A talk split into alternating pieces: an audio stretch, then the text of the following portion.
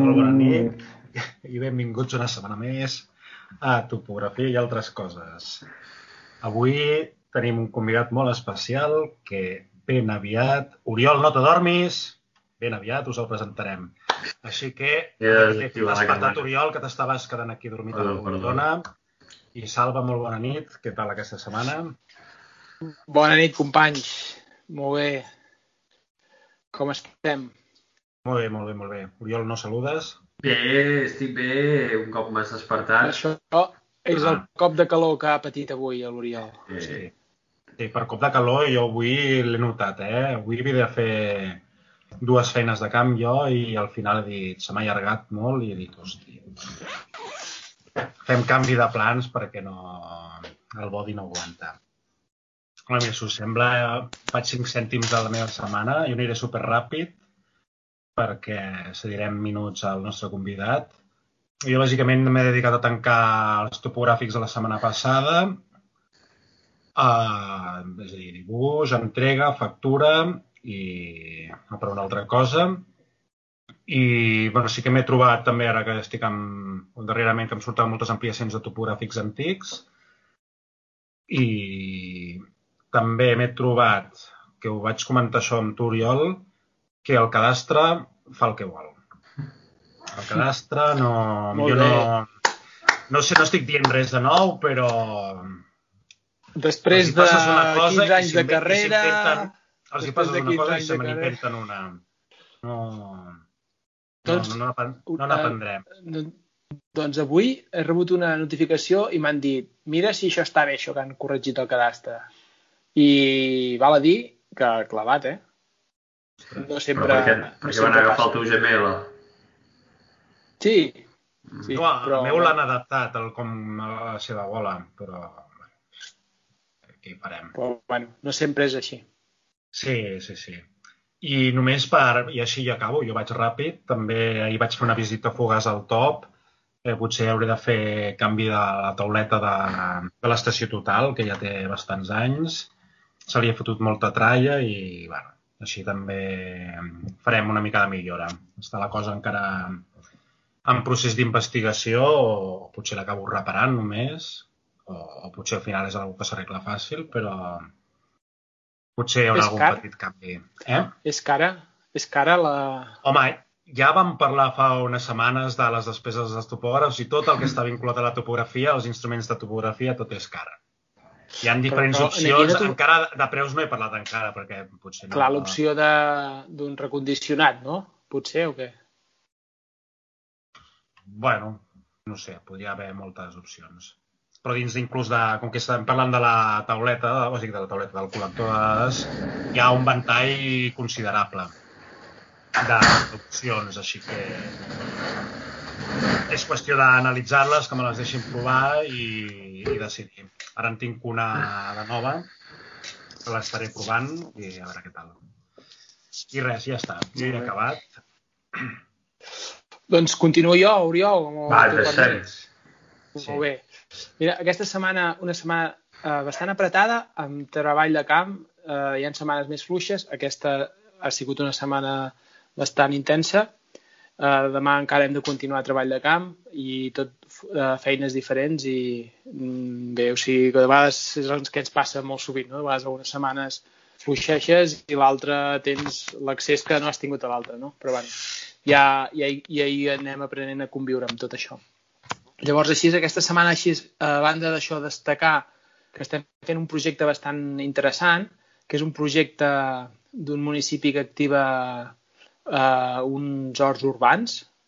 Um, I llavors eh, són diversos col·laboradors. Jo vaig fer l'aixecament topogràfic i també estic amb el tema de, de, diguem, de redacció del projecte i, i de desenvolupament dels planos.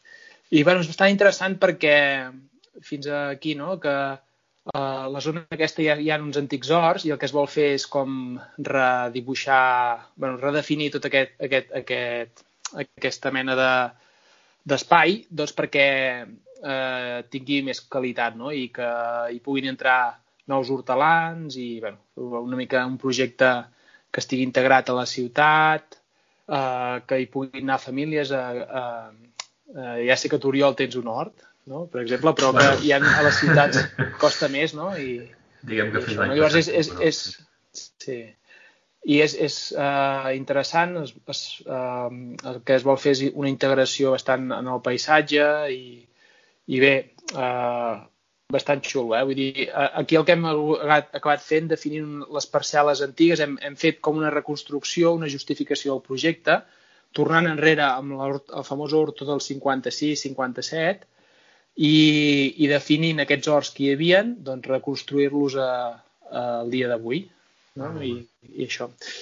I llavors eh, el rec també és interessant, va per gravetat, tot, i bueno, estem en aquest pas de disseny encara de, del projecte. Vale.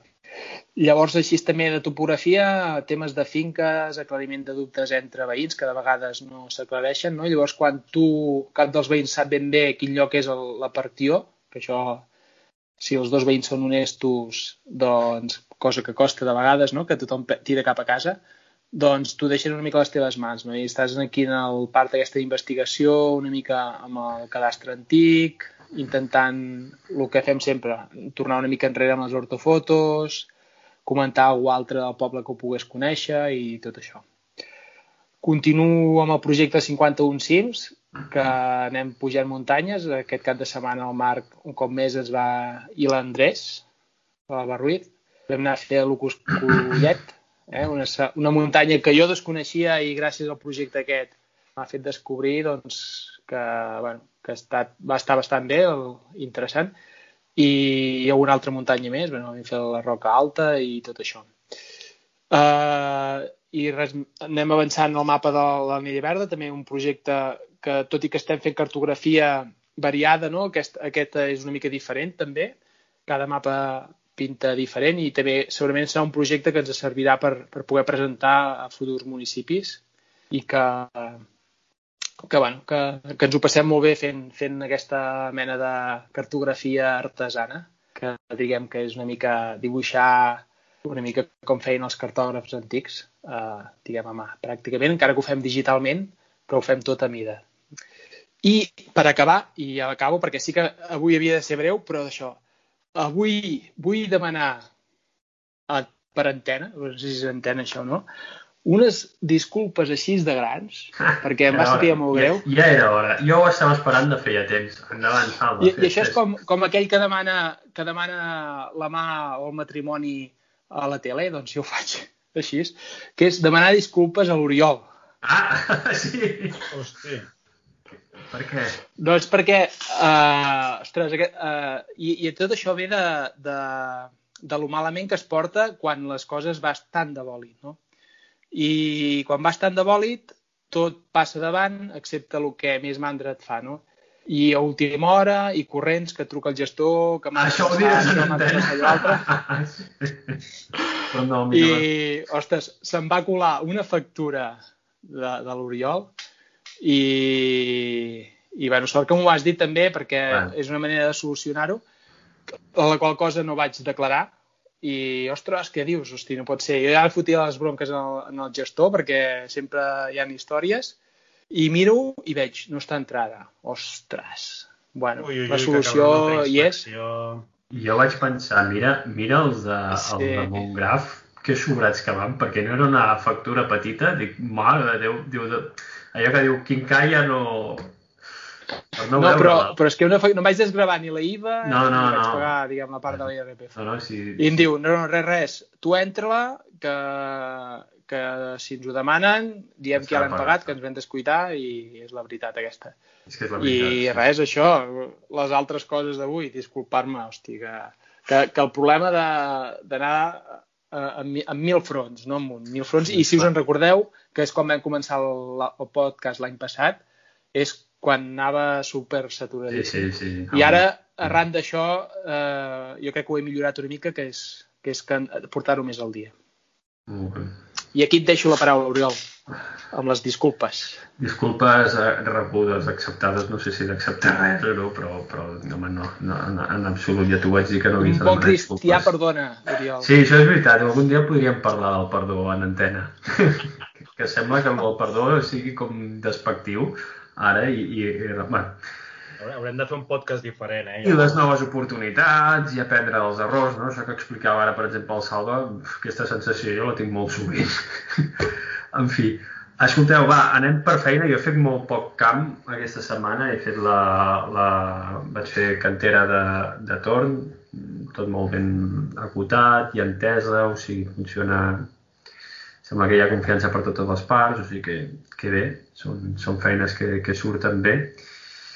Eh, després vaig fer una visita perquè d'un aixecament parcial de, bueno, d'un límit entre dues parcel·les, val? Eh, demanaven una informació a la, a la meva part que consistia en, en, en tenir el topogràfic de, de l'altra parcel·la. No?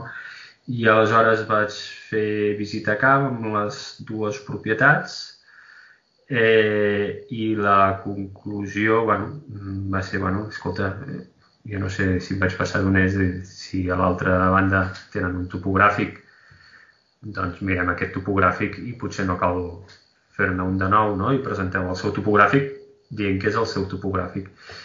bueno, el, la, la part, l'altra part de, de, de l'altre veí, el, el propietari, bueno, estava totalment confós, deia, no, no, el, límit jo crec que passa més cap allà dalt, perquè aquí jo quan vaig fer l'aixecament hi havia unes marques per allà que vaig seguir i, i aleshores efectivament quan, i que coincidien amb el testimoniatge de la meva pare eh, quan em van passar el, el, el topogràfic de l'altra part era clavat era clavat, o sigui, en rústica hi havia algun lloc diferències de 15 centímetres ells havien pres menys punts això ja sabeu què és, no?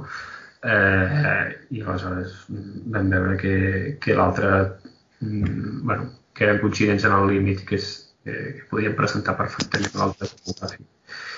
Eh, després he aprofitat, eh, ja havia tancat bastants temes d'oficina i aleshores tenia eh, bueno, tinc tres tenia tres pressupostos així grossos per fer, un, bueno, dos he aconseguit tancar-los, un era de laser scanner, l'he pogut enviar aquest matí, feia, com que em van dir que no hi havia pressa, jo no sé... És estrany, eh, per això. Què? És ja és estrany, que no hi hagués presses. Sí, sí. No t'ho creuràs, Marc, que encara no m'han contestat, eh? eh o, però em sembla que fa més de tres setmanes que, que, que me l'havien demanat i aquest matí els hi, els hi puc passar i era, era un pressupost bastant, bastant elaborat perquè hi havia la part de, de modelització, la part de tropiu i la captura de dades i bueno, depenia de varis, de varis factors. Hi ha un altre pressupost que, que no he pogut lliurar, o sigui, no, no, no m'hi he ficat, i un altre d'un ajuntament que m'havia demanat d'un aixecament, i el Marc em va ajudar i el vaig, el vaig, poder, el vaig poder lliurar. I també tenia una part d'escaneig.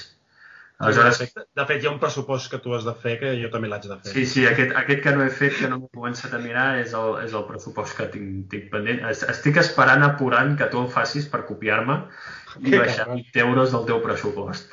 Um, però bueno, no, no, no hi ha manera. Vale, Oriol, parlarem sí, la setmana esteu, que ve. Esteu aquí competint? Esteu aquí sí, competint? No, estem competint. Oriol, no parlarem fins la setmana que ve, eh? No podem parlar, però ho explicarem i és molt divertit, eh? Perquè ens han donat una pròrroga que amb el Marc, em perdó pel... li vaig fer una captura de pantalla però... i, i van dir sis dies més i li vaig posar la captura de pantalla i li vaig posar el Marc, putada. però una cosa, perquè, perquè no aquí no us alieu? Feu una aliança aquí ge no, no de geos? No es pot fer això, ja... ja... Geo... Geolèn... No, que col·laborem després amb la feina, sí, però no podem fer aliances per pressupostos, que això seria fer-ho... No, no, no seria... No, no, presentar el mateix, presentar el mateix. Bueno, és una possibilitat. Marc, escolta, presenta un pressupost i presenta el nom dels dos. Bueno, ja, ja parlarem, amb, ja, ja parlarem amb calma. Ja parlarem amb calma. Que Home, potser ens fan més cas, eh, Marc? Però bueno. Bueno, i per... Eh, estem desviant, va. Sí, que vull acabar. Eh, bueno, hem fet un parell de reunions, una amb l'Andrés, d'acord, que ens ha ajudat amb, amb una enginyeria que som clients d'una empresa de, de drons, eh, pel tema de la... bueno, seguir treballant el tema de la integració de, de dades, eh, líder, val? i avui amb, amb l'Andrés bueno, a, ha donat un cop de mà amb la part més de, de triangulació. Crec que el convidat d'avui té alguna cosa a dir, podrà dir alguna cosa al respecte. mantinguem l'anonimat i la sorpresa encara, encara que falti menys. Però, bueno, ha estat, és, són interessants. Dius, bueno, no sé què m'aportaran de feina o no aquestes reunions, però són molt interessants. Jo crec que sí. I aleshores, per acabar, demà a la tarda tinc una delimitació amb sis veïns que estic esperant de fa, fa una setmana amb cantaletes, que ja tinc tota la documentació i a més hi haurà signatures, a no ser que hi hagi alguna sorpresa d'últim moment, que esperem que no, perquè un divendres a l'altre... Una, una altra vegada que havia tingut de l'invitació divendres a la tarda havia anat bé. La gent té, té ganes d'acabar la setmana i signar.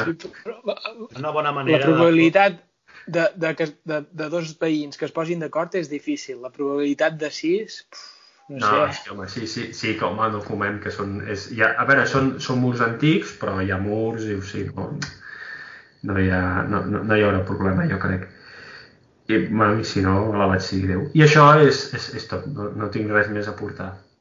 Molt bé. Doncs, doncs res, seguidament us presentem el nostre convidat d'avui, que és l'Isaac Olles. Isaac, sí. benvingut. Gràcies. Benvingut, Isaac. Moltíssimes gràcies. Un plaer estar aquí i a veure, a veure què, què, em, què em llanceu, quines preguntes em feu. Mm conversa de bar, com has dit fa una estona, però ens podríem centrar una mica en aquests aspectes. Home, amb l'Isaac podem dir que vam ser companys de carrera, no? Ens estem anticipant ara, però... L'Isaac, clar, el que podem dir és que és un company de la universitat, és topògraf, i que, que el coneixem doncs, que pràcticament des dels inicis de la, de la, de la carrera i, i no només hem compartit estudis o algun moment fins i tot professió, sinó també activitats extra topogràfiques eh, bàsicament centrades en la muntanya, però bueno, ja, ja anirem parlant. I, I no, doncs això, l'Isaac és... bueno, ja hem portat uns quants companys aquí, topògrafs i topògrafes, que, que s'escapen una mica de, de la topografia que fem nosaltres tres. La topografia d'estació total, cadastres, límits, topogràfics, carrers, etc. L'Isaac ha tocat, ha tocat una mica de tot, que és el bo, però s'ha centrat en, en altres coses que, que no són les, les comunes. I, bueno, si, si voleu, si vols, Salva, ho podem enfocar una mica doncs, de la manera aquesta com dius i anem, anem veient com, sí. com va sortint. Vale. Tu, uh, però comencem pel professional o comencem per l'acadèmic? Acadèmic, fem l'acadèmic, fem l'acadèmic, sí. Va, Isaac, aquí... com estàs? Eh, eh, molt bé. Engrescat, a veure, Engrescat. com va. Escolta, d'on vens, no? I, i eh, d'on vens a nivell formatiu, per on has passat, eh, què és el que t'ha servit més, o sigui, abans ja ho hem dit, ets enginyer tècnic en topografia, vam coincidir a l'escola, no? Eh, Explica'ns com has ampliat aquesta formació, què és el que t'ha semblat, bueno, què és el que t'ha donat més, més fruits, és, quines recomanacions donaries, he repassat el teu perfil de LinkedIn, dones algunes pistes allà. Jo penso que és interessant que ens ho expliquis tu. Aviam, digues. Bueno, jo vaig eh, cursar, tal com dieu, la carrera de topografia a la Politècnica de Catalunya. Eh, quan vaig eh, acabar la carrera eh, vaig eh, iniciar un projecte conjunt amb el, amb el Marc, el David Costa i algun altre topògraf o topògrafa que van o no coincidir amb mi eh, en aquells moments, que era geolècnia. Eh, en el temps, mentre jo estava fent la carrera, vaig conèixer una, una persona que per mi ha estat puntal en el, en el meu desenvolupament eh, a nivell eh, professional, que és el, el, el Raimon, en aquella època era comercial al top. Eh, i aquesta persona, eh, un bon dia, jo estava tranquil·lament a Geolècnia i em va trucar i em va dir, escolta, que hi ha una, una vacant en una empresa canadenca molt gran que fabrica eh, receptors GNSS de gamma, de gamma alta, no? receptors dels típics que es farien servir a topografia i doncs, hi vaig fer cap. Eh, va proposar això i jo vaig dir que, que, vale, que em semblava eh, molt interessant, que era nou per mi, que jo no era un tema que jo conegués, eh, però que em llançava a la piscina i que, i que sí, que, que era... A veure, aquí cal dir que jo recordo algunes classes eh, de GPS en les que estàvem tots com a alumnes i això s'ha de dir, eh? perquè l'Isaac era, bueno, era una font de coneixement de, de tot el, bueno, jo el que recordo, de tot el que era el ferro de, de, de, dels equips eh, GPS en aquell moment, després era CS, o sigui, ja dius, bueno, tot allò era nou per mi, bueno, Isaac, tu tenies una base, el, el com es deia, el, el, el llibre de GPS, el Shen, el, no, no ho veig, el Shen, sí. el, sí, el, el, espera, Sí, el, blau, el, el blau petit. Sí, aquí blau, com es deia? Isaac, no te'n recordes? Ma, eh, era Quina dins pràctica del, que- del Correa, no del Co... No, el Tony Schenk. Ah, ah, no, el Tony Schenk No, és el el de fotogrametria. El Tony Schenk, perdona, és el de fotogrametria. Jo vull dir el de... El, El Correia. El, eh, el llibre que jo era, el meu llibre de capçalera era el- l'Alfred Lake, Ah, que aquí. GPS for Satellite Surveying, sí senyor. Aquí. Eh, recordo que, o sigui, el, el tenies, bueno, super conegut, o sigui que... Però també s'ha de dir que en, en aquella època no era tot bastant nou, eh? No, ara sí que tothom va amb navegadors al cotxe i tot, però, bueno, nou per... Eh, sí, eh, tens tota la raó. Eh, a nivell civil es només érem els topògrafs que utilitzàvem el, el, el GPS en el seu moment. No? Ara més o menys tothom fa... Però com, d'on et venia no? tota aquesta, aquesta afició al, al, al GPS? A veure, eh, tal com va dir algun professor de la carrera, eh, la gent normalment quan és petita no diu vull ser topògraf. No acostuma a ser habitual. Eh, I acabem caient per diversos motius. En alguns casos perquè ens agrada la muntanya eh, i volem fer una feina d'exteriors. Eh, en d'altres pot ser per familiars. Eh, bueno, hi poden haver una sèrie de motius, no? En el meu cas eh, va ser mm, una espècie d'introducció una mica forçada perquè jo em dedicava a fer temes d'espeleologia i a l'estiu fèiem una campanya al Parc Nacional d'Ordesa i les entrades de les cavitats s'havien de cartografiar d'alguna manera. Fins aquell llavors es feia eh, mesurant angles amb una brúixola en els pics més propers i gràficament es trobaven les coordenades de les, de les cavitats. No cal ni dir que aquest mètode tenia un greu inconvenient i és que era poc precís i donava bueno, errors bastant garrafals, no? fins a l'extrem de que les cartografies que sortien no eren massa aprofitables. I, evidentment, la tecnologia que jo vaig voler aportar a aquesta, a aquesta activitat doncs va ser la introducció del GPS. En aquell cas, eh, un GPS de mà, un GPS Garmin, un GPS de baix El cost. recordo, el recordo. Aquell negre era el que Eh. jo va ser el primer model de, de, de GPS en codi que vaig veure així Sí, sí, jo igual, eh? Allò era un Garmin 12XL, era el primer GPS de mà, diguem-ne, amb un èxit comercial important. Era molt tosc com- comparat amb el que hi ha avui en dia, que pot eh, portar cartografia i fa la pantalla en colors i aquestes coses.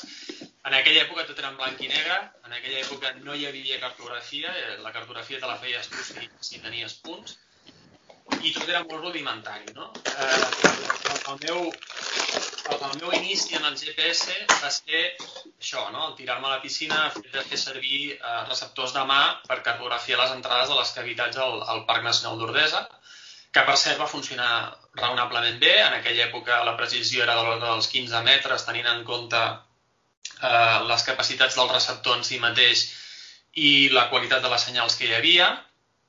És a dir, avui en dia tenim receptors que estan donant de l'ordre dels 5 metres amb antenes bastant, anem a dir, cutres, eh, amb la qual amb, quan li posem una antena de qualitat geodèsica com les que fem servir a topografia, sense cap tipus de correcció arribem a precisions de l'ordre de 3 metres, que en aquella època eren un somni, eh, diria que gairebé inassolible. Eh, Va, no sé si em voleu fer alguna pregunta o No, continuo. està molt interessant això que, que has explicat, eh. O sigui, uh, jo, a veure, per fer un, així en, del camp formatiu, eh, veig que tens el, un curs amb, amb EVA, amb EAP, i després eh, vas fer un, un màster. Un, ex- Explica'ns aquest eh, màster que vas fer i on el, i on el vas fer. Um, el, el màster que vaig fer era un màster de drons, era el, el curs que jo el vaig fer era el primer any que es feia. S'impartia a la ETAC, la, la, l'Escola de Telecomunicacions i Aeronàutica de la Universitat Politècnica de Catalunya a Castelldefels. I la veritat és que em vaig quedar molt content. Era un, era un màster d'un any, eh, un màster eh, generalista, és a dir, no amb una vocació d'alta especialització, sinó amb una vocació de donar una visió global de totes les tecnologies que tenen a veure amb el tema de, de drons i, evidentment, com us podeu imaginar, hi havia un apartat que eh, versava sobre fotogrametria dron i un altre apartat que versava sobre GNSS, no? navegació per satèl·lit. I en aquest cas, doncs, evidentment vaig poder portar un, un granet més de sorra eh, al, al màster, no? Eh, fins a l'extrem que eh, en els anys posteriors al màster eh, vaig ser, diguem-ne, lecturer o, és a dir, invitat del màster per explicar eh, certes temàtiques que es tractaven en el màster. Com ara, per exemple? Eh, principalment fotogrametria, fotogrametria dron i, i l'ús dels programes de processat fotogramètric, en el meu cas, per, per motius diguem-ne, eh, de conveniència, perquè tenia la llicència, eh, en el, cas, en el meu cas és, és Metashade, és eh, el programa que faig servir jo, el programa que domino, i per mi, pel meu gust, eh, és el programa més eh, potent que hi ha per extensions de terreny típiques d'aixecaments en tron. Mhm. Molt bé, molt bé. Uh, voldríeu passar al, a algun altre bloc de tipus professional, per exemple, Salva? Sí.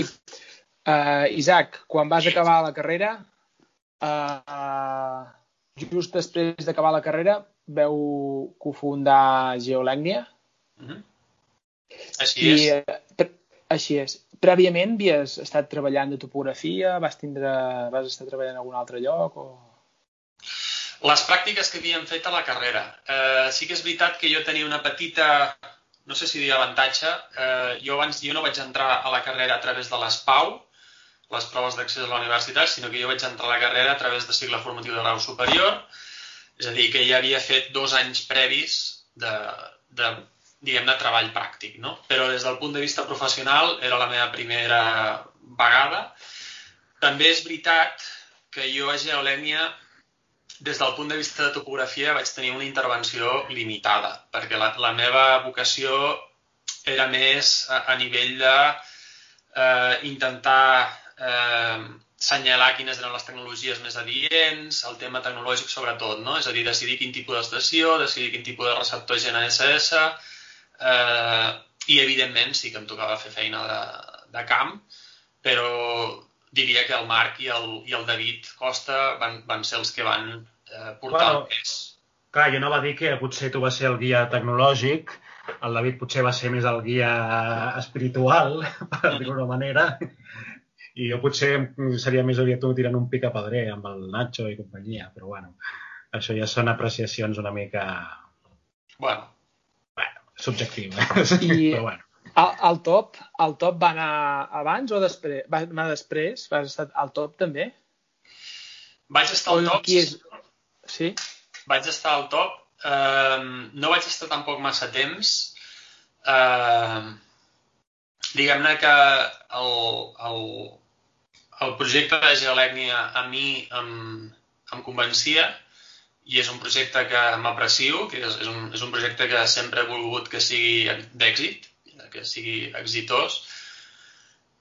Mm, Per sort o per desgràcia, Geolècnia eh, li ha tocat viure un temps de dificultat, eh, perquè realment va ser sortir de la carrera i començar les, al cap de poc temps, eh, al cap de pocs anys, començar les dificultats, Mm, I la veritat és que si em preguntessin, a mi m'agradava molt més l'ambient que hi havia a Geolècnia, que va ser el, el treball posterior a, al top, eh, que no pas el treball a, al top. No, no per res, és una gran empresa i la veritat és que ho ha fet molt bé des del punt de vista de la supervivència dintre d'una època de crisi també molt dura per ells, eh, sinó perquè a Geolècnia tenia la llibertat de treballar amb els meus companys de carrera, que jo coneixia, eh, i que creia que podia aportar més. No? És a dir, evidentment, com us podeu imaginar, el TOP és una empresa gran, és una empresa que té una quantitat considerable de treballadors i, i, i allà, doncs, evidentment, hi ha una jerarquia més estructurada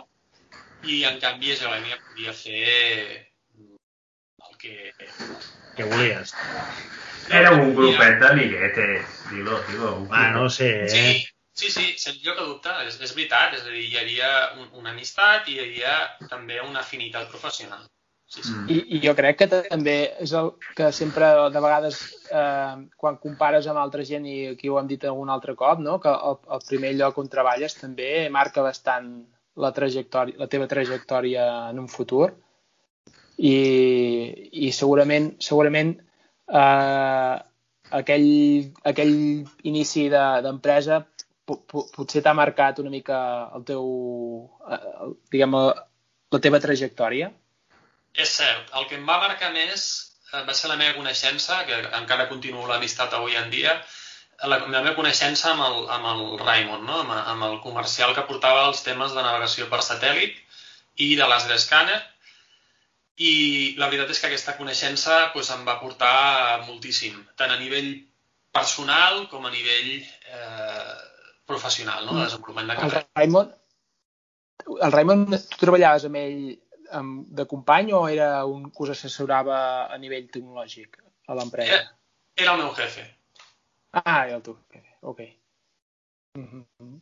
I d'aquí és quan va saltar a anar a treballar a, a l'estranger.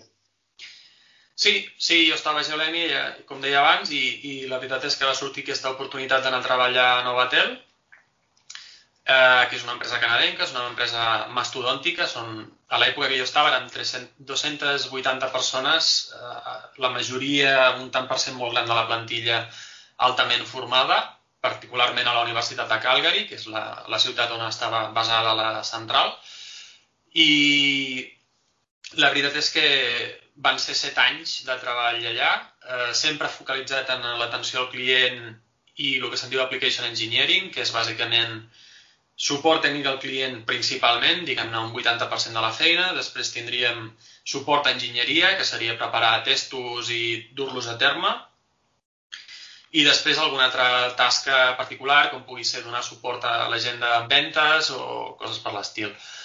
Um, I la veritat és que van ser set anys eh, molt, molt bons. Molt bons. Molt bon record.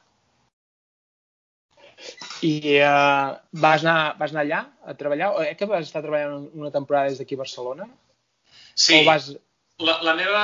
A veure, jo, jo em movia entre tres uh, localitzacions geogràfiques. Um, un, molt puntualment era la central, és a dir, els, normalment al principi d'any ens reuníem tots, tota la, tota la gent que era externa a Novatel anàvem allà per fer reunions i, i, i conèixer-nos i, i parlar de temes doncs, tècnics i a vegades també per anar a sopar tots junts. Eh? Uh, després, la localització on vaig passar 3 anys va ser uh, a Anglaterra, a una petita ciutat que es diu Whitney, que està a 14 quilòmetres a l'oest d'Oxford, que tothom suposo que coneixerà. Um, I allà vaig passar els primers 3 anys, uh, en companyia d'una persona del meu jefe, que era el Rick Blyton, Eh, la veritat és que era un treball molt, eh, no sé com dir-ho, molt gairebé de, de, de monestir, perquè era un poble molt petit, jo diria que hi havia més vaques que humans, mm. i la veritat és que la meva vida es reduïa anar de casa a l'oficina i de l'oficina a casa. Perquè uh, ens éreu a l'oficina? A l'oficina érem, al principi érem dos, el Ric i jo. Eh, ens encarregàvem del que se'n diu en termes comercials EMEA, que és la, la, la zona d'Europa, Orient Mitjà i Àfrica. I, evidentment, eh, en els tres anys vaig haver de viatjar doncs, de manera més o menys regular eh, per anar visitant les diferents localitzacions on teníem eh, comptes importants, és a dir, clients importants que, o, o gent que necessitava suport tècnic in situ, que a vegades passa. Um, I després, al final, a la fi, uh, i, i ho dic així, eh, no és casualitat, a la fi vaig aconseguir emportar-me a l'oficina a, a casa, no? a, a Barcelona. Um, perquè he de reconèixer que, tot i que l'entorn de treball era molt bo i la, la, el, el companyerisme i, i la, el saber fer era, era molt positiu, eh, al final la cabra tira al monte i, i tornar a casa és important. És a dir, tres anys és, és un temps raonable, és un temps, penseu que molta gent, quan tu li dius, jo estava treballant, treballant a Anglaterra, diuen, ah, a Londres, Dius, no, a Londres no, a dues hores de Londres i allà no hi havia res, era al mig d'Anglaterra. Mm. Vale? Llavors no hi havia... Era, era difícil eh, fer alguna que no fos la feina, no? I, evidentment, sortien jornades doncs, de 12 hores de feina. Mm. I, I llavors, quan vas, vas tornar, vas estar, vas, quan vas anar a fer el màster, eh? vas, vas tornar, vas, anar form, vas continuar la teva formació i especialitzar-te especialitzar sobretot en, en components eh, aeroespacials uh mhm. -huh. eh, basats en el GPS. Has continuat així fins... A veure, perdona, Salva, un, un petit apunt. La feina sí. que jo feia a Novatel era molt variopinta. Jo treballava amb tot tipus de clients eh, i el tot tipus s'ha d'entendre des d'un punt de vista molt ampli. Jo he instal·lat receptors GPS des de a Fórmula 1, passant per la Fórmula 1 del mar, la, la de Reis, eh, totes aquestes competicions de, de receptors on hi ha receptors de gamma alta, eh, que, que són, es mou molts diners, he instal·lat receptors a tractors, he instal·lat receptors a vaixells, he instal·lat receptors a submarins. Eh, hi ha una mica de tot. Eh, mm. no sempre in situ, és a dir, quan dic he instal·lat, no vull dir he instal·lat físicament, a vegades sí, a vegades no. Vull dir que he donat suport a les instal·lacions que es feien, doncs, per exemple, en patro plataformes petrolíferes o altres coses. Mm. Bueno, no només eren receptors GNSS, sinó també unitats inercials, no? Correcte, sí. Eh, la, en el cas de Novatel, eh, els sistemes eh, inercials es diuen SPAN eh, i, evidentment, aquests sistemes també s'instal·laven a tot tipus de, de vehicles. Eh, normalment aquest, aquest tipus de sistemes s'instal·len quan hi ha dos tipus de necessitats diferents que no es compleixen o que no es poden cobrir amb receptors GNSS estàndards. Almenys quan jo estava. Ara, ara faré un apunt, potser, però quan jo estava allà.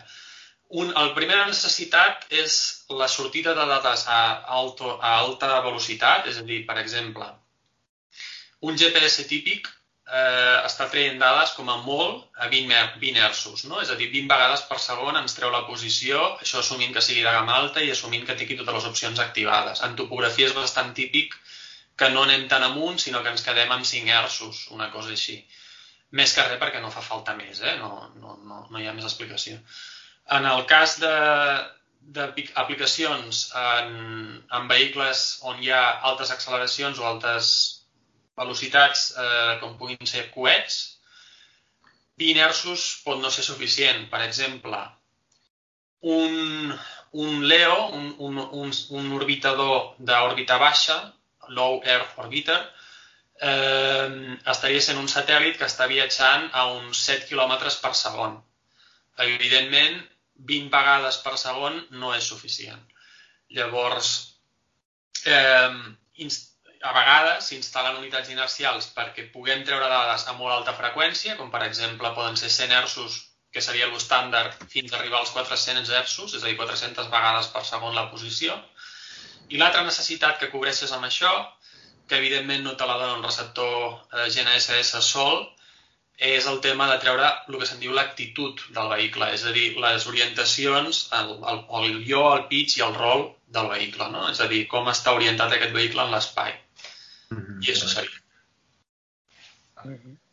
Ja, això podria servir d'incís per aquells casos que ens trobem que hi ha gent que agafa un Garmin i comença a fer delimitació de finques. Mm -hmm. I el receptor GNSS, els GPS, com li diu tothom, els navegadors, són una caixa negra que, si no se sap què és el que hi ha dins, com funciona, doncs es poden fer barrabassades. Tu ara estàs parlant de potser un cas encara més extrem, però doncs, que aquest cas extrem pot servir una mica per reflexar que, que no tots són xips i electròniques que dius pim-pam-pum, sinó que aquí hi ha un rerefons considerable. A veure, respecte al que diu el Marc, m'agradaria dir una, una cosa. Jo eh, actualment treballo en temes d'algoritmes de navegació i tinc la sort, tinc, diria que l'honor d'estar al cantó de Telecos, de gent de, de que ha fet la, la carrera de Telecos i es dediquen a fer eh, algorítmica de, de navegació a nivell, m'atreveixo a dir que dur. És a dir, com funciona un GPS per dintre. Um, a veure, una analogia que s'acostuma a fer en el, en el GPS per donar a entendre com de, com de màgic és el sistema és que un receptor, en, en termes de recepció de potència de la senyal, és equivalent a veure una bombeta de 60 watts, que és una bombeta d'aquestes que antigament era fosca, era una, una bombeta de tauleta de nit, Uh -huh. a 20 quilòmetres de distància. Vale? Um, clar, això és, és, és, és autènticament màgic. I sobretot veure-ho, com ho estem veient avui en dia, eh, diverses constel·lacions, eh, actualment ha, cada cop els, els receptors estan sent més i més eh, refinats, eh, ara mateix se m'acuden algunes marques eh, que estan traient solucions eh, de posicionament pràcticament com si fossin inercials, perquè un altre motiu per tenir un sistema inercial és per suplir els gaps que tu tens quan vas amb un cotxe i passes per sota d'un arbre o d'un túnel. Eh, estem veient receptors que estan russant, no diré la perfecció, però déu nhi I el que diu el Marc és veritat, és a dir, no és el mateix un receptor de 1.000 euros que un receptor de 100 euros. No és el mateix. I algú dirà ara, ostres, Isaac, 1.000 euros? Què m'estàs dient? Si els de topografia valen 15.000 o 20.000 o depenent de si tu base, Robert. Bueno, doncs resulta ser que hi, està, hi estan havent baixades molt bèsties de preu a nivell de rerefons, és a dir, la, la, els equips de topografia es poden considerar com a end user, és a dir, estan orientats perquè els faci servir una persona eh, i no se'ls hi trenqui a les mans, per dir-ho així, és a dir, que no sigui un equip fràgil. Els receptors que van a dintre dels encapsulats que vosaltres feu servir cada dia a, a, a topografia estan baixant moltíssim de preu. Tant per la pressió xinesa, perquè això és un factor important, com per l'adveniment de receptors que van in, in, inserits en vehicles, en cotxes. Els famosos Tesla mm -hmm. eh, estan portant receptors que abans valien morterades increïbles de diners a dintre, però que evidentment aquestes empreses el primer que els diuen als fabricants és escolta, el teu receptor ha de costar menys de 100 euros. M'és igual el precís que sigui, no m'expliquis històries. Us en comprarem milions, però ha de valer menys de 100 euros. Vale? I això està portant els preus de la topografia cap a baix. Quan ho veureu vosaltres? No us ho sé dir. Ara, sí que us puc dir una cosa. Um, literalment fa una qüestió de, qüestió de mesos, una empresa molt coneguda en el sector, que és una empresa europea, per cert, eh, que es diu Septentrio, va treure un receptor triple freqüència, RTK, tot activat, 100 Hz de, de sortida de dades, per menys de 1.000 euros, amb antena inclosa. Mm. Te roba sí. això, eh, també? Isaac, ostres, a, a, aprofitant que la teva gran especialització que tens i coneixement tan tècnic d'això, ostres, hi ha, hi ha un tema que sempre m'ha intrigat i no sé, fas hipòtesis i no saps mai ben bé el, el per què passa, no? I no sé si vosaltres, tant Oriol com tu, Marc, us ha passat, que és quan vas amb l'RTK i tens una pantalla, bueno, tens una zona opaca que no, no rep senyal i, o, o tens poca o baixa, baixa de senyal de telèfon, que el GPS passa de tenir una precisió de 3 centímetres, per dir una cosa, a 10 quilòmetres. no? i a vegades no t'entra, no t'entra i estàs amb precisions 10 quilòmetres. No? Llavors dius, com pot ser que se'n vagi tan enllà, no? a 10 quilòmetres, mentre jo puc engegar un GPS eh, excursionista, per dir una cosa, l'engego i tindré aquests errors que comentaves al principi de 5, 5 10, 10, 10 metres. Per què passa això de que el, el nostre GPS RTK se'ns dispari tant, tant, de, de, tanta distància la precisió?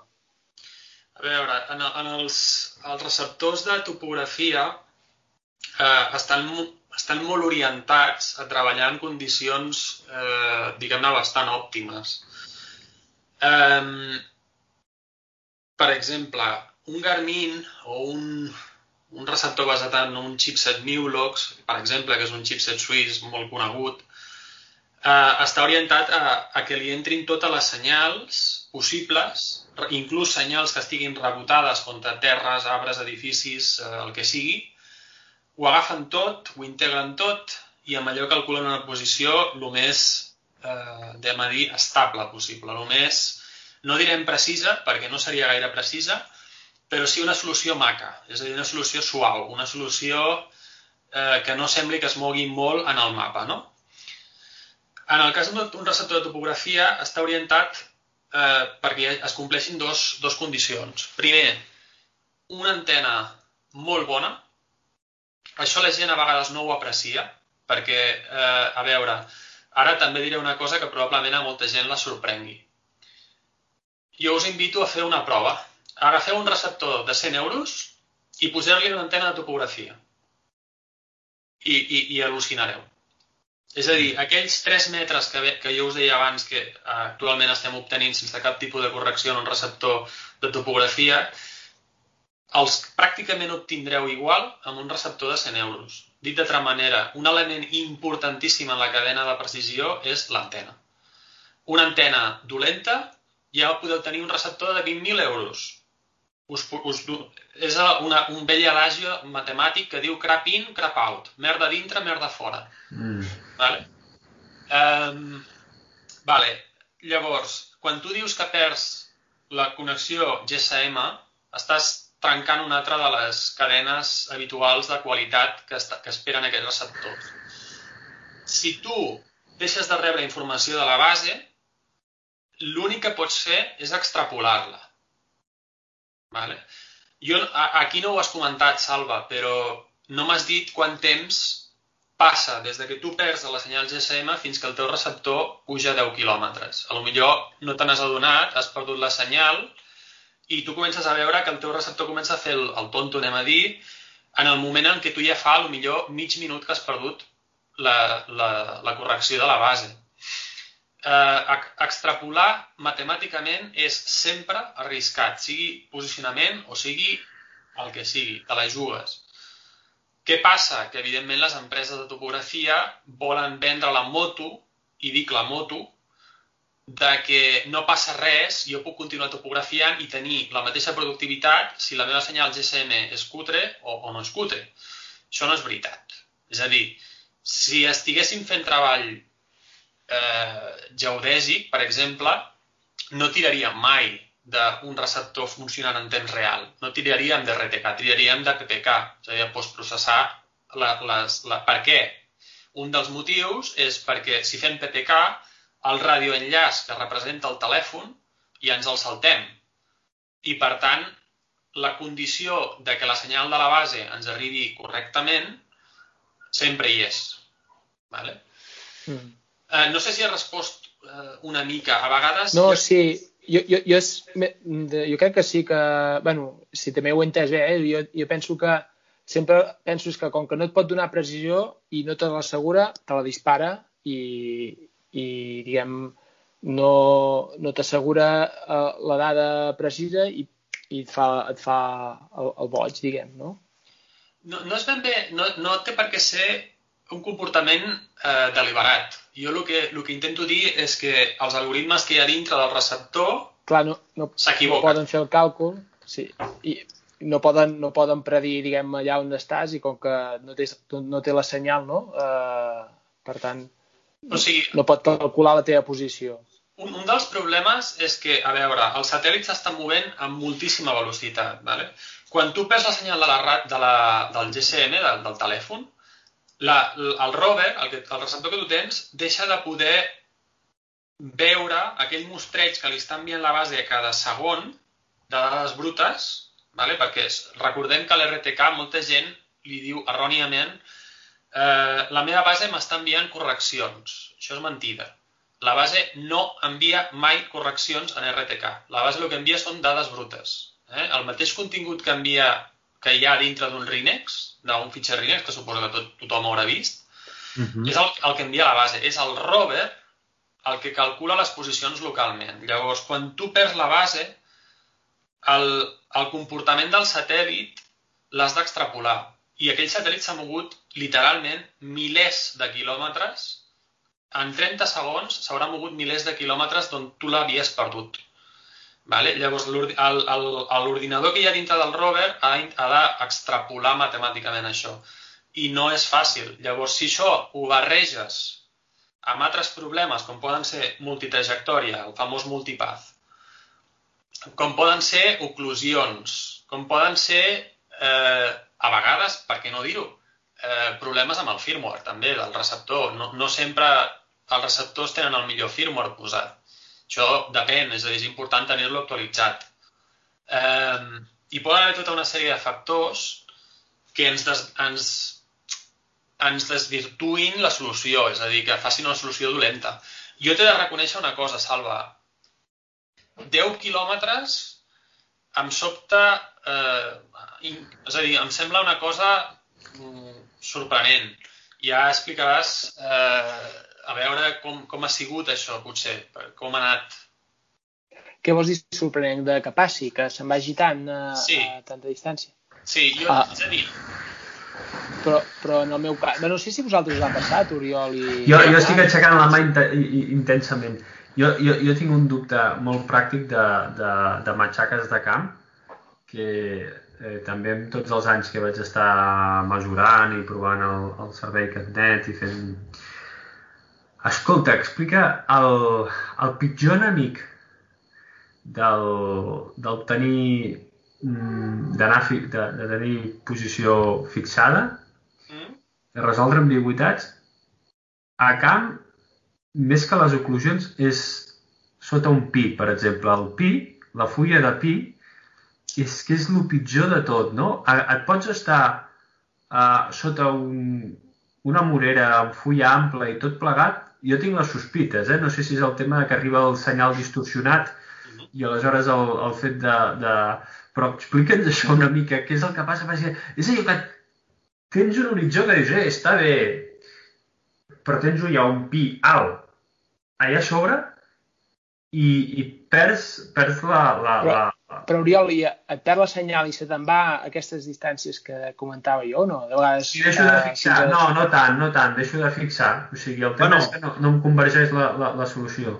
Jo inclús posaria, abans de que el, la resposta a l'Isaac, Recordes, Oriol, que jo poc abans de que actualitzés el meu receptor a Glones va haver una feina que, que intentava fer un GPS i no, no va haver pebrots i, i vaig dir, mira, saps què? Et vaig fer un truc a tu, vam anar el dia següent o així, vam anar amb els dos receptors i el que ens trobàvem és que a vegades et fixava la posició, ah, sí, sí, sí, sí. però aquella posició anava movent-se d'una ah, manera sí, desorbitada i anàvem comparant amb els dos receptors i, i la sensació que ens quedàvem era de dir no em crec ni una ni l'altra. Però te'n recordes que era un bosc de pins, allò? Sí, i, i clar, i venia perquè era també una zona d'aquestes de pins. És que és el pitjor enemic. Bueno, explica'ns-ho era... per què passa això, Isaac. Per què? Per què? Per què? Per què? Per què s'han de gramar pins? Perquè és que això ens fa perdre, ens fa perdre molts diners, eh? O sigui, això de qui és culpa? A veure, uh, això de què és culpa? Uh, heu parlat de diverses coses, eh? Jo intentaré respondre a tot, tot el que heu dit. A veure, en un bosc de pins passen diverses coses. No, no només... Eh, quan dic bosc de pins, en realitat, jo no seria tan específic. Jo diria en general en un bosc. Eh, les, sobretot les... pins. Perdona, Isaac, el sí, sí, tranquil, tranquil. Jo, jo intento respondre. Um, a veure, una fulla, quan és verda, eh, generalment està indicant que té aigua. Vale? Uh -huh. eh, les senyals radioelèctriques són altament susceptibles a eh, passar per una superfície on hi ha aigua. És a dir, a travessar una. Uh, estic segur que tothom recordarà les classes de física que fèieu a, a, a l'escola i potser a la universitat en temes de refracció òptica, és a dir, de, de com la llum eh, penetra en un, en un bloc d'aigua i, i es desvia un, un cert angle, no? Um, això passa exactament igual amb una senyal GNSS. Ara bé, en un bosc de pins és, el que passa és brutal, perquè estem barrejant aquest efecte de refracció amb un efecte d'oclusió, és a dir, de petits microtalls que fa cada una de les fulles. Això és brutal, ha... això que estàs dient és, és, és art, eh? Sí. Això és que, jo, de l'aigua no ho hagués pensat mai, i tens tota la raó del món. Jo és que quan has dit lo de l'aigua he començat a pensar, dic, segur que dirà refracció. He començat a pensar. Doncs sí, teniu raó. Uh, llavors, es produeix també un altre efecte, que és el de multitrajectòria, de manera molt caòtica, perquè un arbre normalment té... Eh, és a dir, si està moll o si té una escorça bastant eh, humida, eh, rebotarà bastant fàcilment la senyal GNSS. Eh, és a dir, estàs barrejant molts factors eh, que es considerarien eh, agressius o, o contraris al, al facilitar el fixat d'ambigüetats, els estàs barrejant tots i els estàs, mm, estàs sotmetent el receptor a un estrès mm, molt fort. No? És a dir, penseu que, que fixar ambigüetats és normalment hi ha un, un valor matemàtic, és l'ambiguity la, eh, ratio, que és eh, la, la, la divisió entre la solució que m'està donant la, el receptor en flotant i el fixat més bo que està podent donar aquell receptor. Recordeu que fixar ambigüetats, eh, clar, això és difícil d'explicar sense una pissarra, però eh, fixar ambigüetats, és a dir, el receptor està calculant moltes ambigüetats i n'hi ha una que té un ràtio millor que les altres. Quan tu tens aquesta caòtica situació que seria molt, molt, molt, molt similar a una bola de discoteca, val? és a dir, que està passant sota un, una copa de, de pi és molt similar a una bola de discoteca a nivell, evidentment, no òptic, sinó radioelèctric. Um, el que estem fent és que aquest ràtio sigui superpetit entre la millor i la següent millor i la següent millor i la següent millor, perquè són caòtiques. Vale? Dit d'altra manera, el meu consell... Bueno, primer, un apunt un firmware que no et deixa fixar en aquesta situació, per mi és un bon firmware. És a dir, un receptor que no et deixa fixar sota pins és un bon receptor, perquè t'està dient, tio, jo no ho veig clar. No sé quina, quina solució fiar-me. Vale? Mm -hmm. Si et fixa... És honest.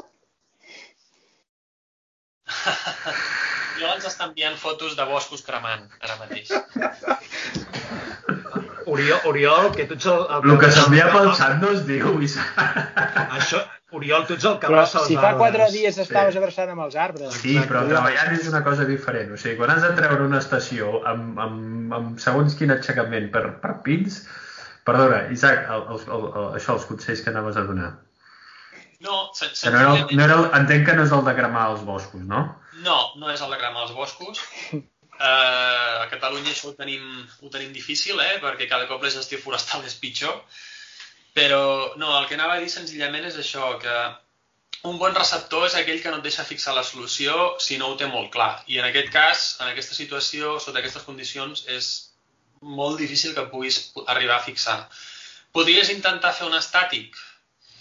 Es podria fer un estàtic. Recomanaria fer un, un cinemàtic, és a dir, un, un anar amb el receptor corrent per sota el bosc? Eh, evidentment no. Uh -huh. I l'estàtic probablement l'hauríem de deixar dies perquè ens acabés sortint una precisió probablement bastant pobra. Però bueno, per intentar-ho es podria fer, no? Va, per acabar l'última part aquesta de laboral, eh, Isaac, explica'ns què és Rokobun. Rokubun és eh, una paraula japonesa que vol dir sextant. Eh, és l'empresa on estic jo ara treballant. Eh, la conformen actualment, em sembla, que 14 persones, i dic em sembla perquè eh, és una empresa en la que hi tenim, eh, com es diu, becaris i, i van entrant i sortint. Vale? Llavors, ara, ara ens, se'ns incorpora un enginyer nou, però ens surt un, un becari que teníem. Um, la, la veritat és que hi, hi estic uh, molt bé, molt content de, de, de poder-hi ser. Com comentava abans, és uh, bastant increïble veure com uh, els, els, els enginyers de telecomunicacions desenvolupen els, els algoritmes i el nivell de coneixement que arriben a tenir de, dels algoritmes. I la veritat és que a nivell humà també l'equip molt bé molt, molt bé. Som un equip eh, tan pluridisciplinar, en el sentit que hi ha una mica de tot, eh, com en el sentit de que eh, hi ha gent de fora, hi ha, hi ha gent que ens ve de França, que ens ve de Polònia, que ens ve de Rússia, eh, i la veritat és que està sent una experiència molt interessant. Què, què fa? Que, que, quins productes té? O desenvolupa projectes d'enginyeria? Sí, sí, tens raó, Salva. Uh, a veure, Rockubun viu de diverses coses. Uh, tenim els, els productes, diguem-ne, visibles, que són només dos. Uh, un, un receptor GNSS basat en un chipset MuBlocks de L1 només, és a dir, single frequency, uh, que es diu Argonaut, i un motor de postprocés que es diu JSON. Eh, el receptor, l'Argonaut, eh, diguem-ne que ja és, és un receptor que eh, probablement no continuarem eh, mantenint en, en, en vida perquè ja, està, ja, ja comença a estar phase out, ja comença a estar sortint, eh, més que res perquè hi ha una evolució tecnològica que ens obliga a, a deixar-lo. En canvi, el, el, el motor de postprocés sí que és, és un, una de les coses que ens agradaria que, que, que tingués èxit i que es pogués implantar. De fet, us invito, si tothom qui vulgui, el pot provar gratuïtament. Eh, si us feu una compte i no poseu les dades bancàries, no passa res. Cada mes tindreu 10.000 èpoques de postprocés gratuïtes i si teniu algun dubte doncs em podeu contactar. Eh, llavors, això és una de les branques de negoci. L'altra branca de negoci, que és el que deia el Salva, és el tema de consultoria i de, de fer projectes i de més. Uh, realment, uh, Rockubun uh, actualment està uh, molt focalitzada a fer front a projectes que venen de la ESA, de la Unió Europea, sempre, sempre al voltant de la navegació per satèl·lit o tecnologies, eh, diguem-ne, aledanyes, eh? tecnologies properes a aquest tipus de, de projectes. Mm -hmm. Molt bé. Uh, Marc, doncs, continues? Jo, bueno, abans ens havíem fet el propòsit dels 45 minuts, però hi ha casos que és que és impossible no allargar-nos i, i al final això s'ha convertit uh, en un consultori de, quasi bé de, en aquests últims minuts de, de treball GNSS i que fins i tot ens podríem plantejar algun dia de només tractar aquest tema, doncs perquè és que moltes vegades ens hi trobem jo anava a fer un tall i dic que és que clar, això podria donar per molt, perquè clar, una cosa és anar a fer mesures, a fer aixecament de punts, quan ens trobem en zones d'aquestes boscoses, però clar, quan vas a fer un replanteig, també podria, clar, com, com ho soluciones? És que aquí ens podríem embrancar molt i, i inclús potser en un futur podríem centrar-nos potser en temes d'aquests, a veure com podem treballar millor amb... Perdó, eh? l'Isaac diu que no, amb el cap Uh, Deixeu-me aquest interrogant perquè ha sentit replanteig i he vist que feia que no amb el sí, cap jo, i jo crec que la resposta, la resposta no serà curta, també, imagino. I tinc sospites. La puc fer, la puc fer molt curta. Mira, sí. Va, la, endavant. Perdona'ns una resposta. L'analogia és tan curta com... Eh, escolta, no totes les tecnologies són aplicables a tot. Llavors, si tens que fer un replanteig en un bosc, et tocarà fer servir una estació amb autolog o, o alguna similar i allà tindràs tota la precisió que vulguis i, evidentment, tens un problema, que és les visuals. Però contra això no hi podem fer res. És la, és la física. Tajamates per les visuals. Sí, sí.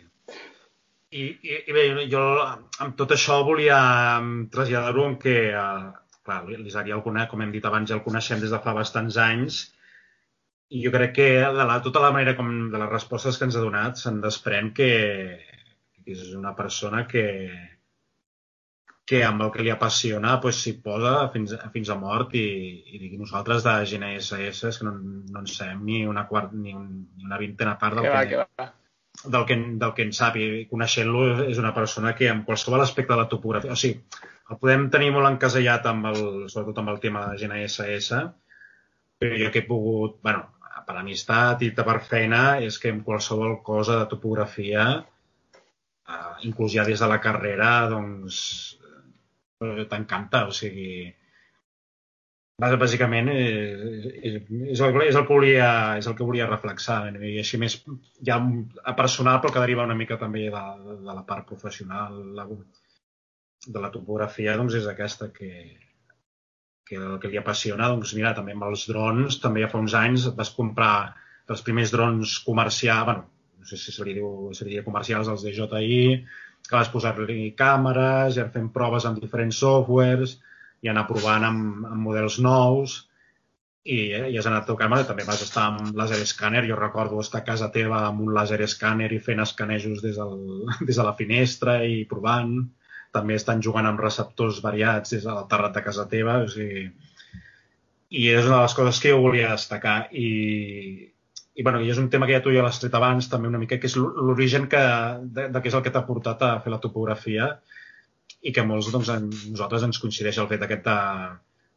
Molts venim que ens agrada la muntanya, que ens agrada estar a l'exterior, al territori, trepitjar-lo, i la topografia doncs, és una feina que, que ens ho permet, tot i que potser ara tu desenvolupes més una feina més d'oficina per entendre'ns, però, però bueno, jo voldria sobretot destacar això i bueno, no sé si hi ha alguna cosa així a part de, bueno, d'aficions és que ja ens coneixem molt i, i clar, derivat de, la muntanya i també fotografia és una de les coses que que tu també t'havia marcat molt com a, com a afició de, que no només la topografia, que ja queda clara que, que t'agrada. O sigui, això ja és intocable.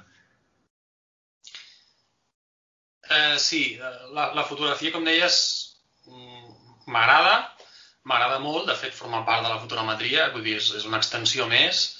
Eh, el que he de reconèixer és que des de fa un temps eh, no tinc temps per fotografia, eh, fa molt temps que no faig servir la càmera eh, i segur que tinc les habilitats rovellades. eh, Això, això és com anar amb bicicleta, ja ho saps.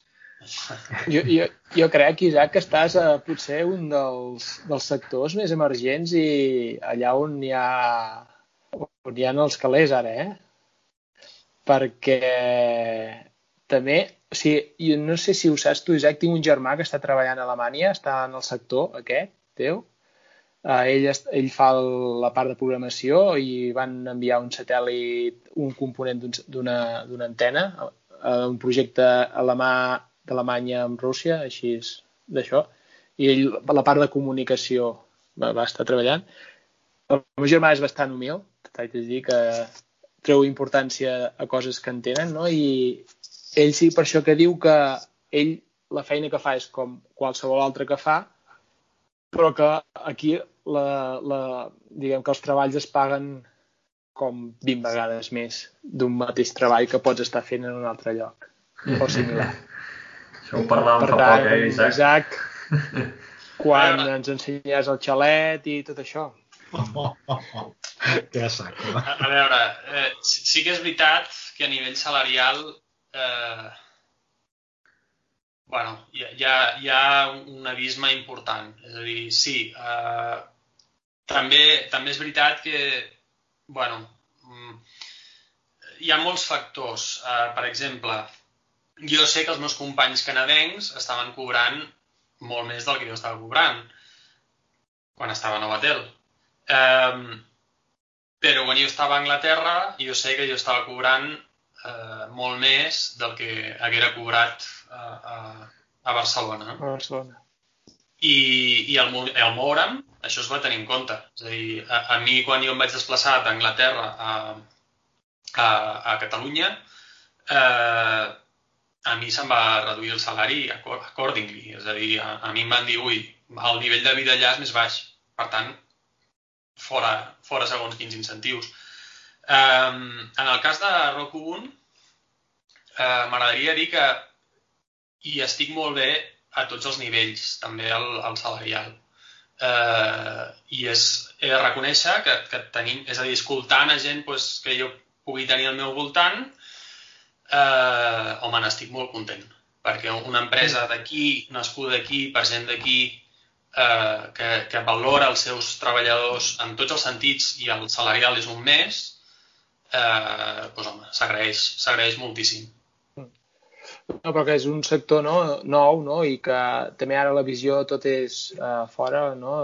Uh, intentar, bueno, tot, tothom està amb l'aeroespacial, no? amb el món, uh, s'arriba a Mart, uh, l'Elon Musk, l'Elon Musk no? amb SpaceX, aquest, uh, coets cap a dalt, el, els, els xinos estan fent el seu sistema, els indis també, els japonesos ja el tenen, uh, uh, tot està cap aquí, no? I, i els fons europeus. I el Galileu, no? No, no, els que... fons europeus. Els fons europeus. Els fons europeus. No, no sé si n'hi ha per aquí, no, els fons europeus. Potser n'hi ha més per les energètiques, però... Mm. Però, bueno, que és un sector emergent, no?, per dir d'una manera.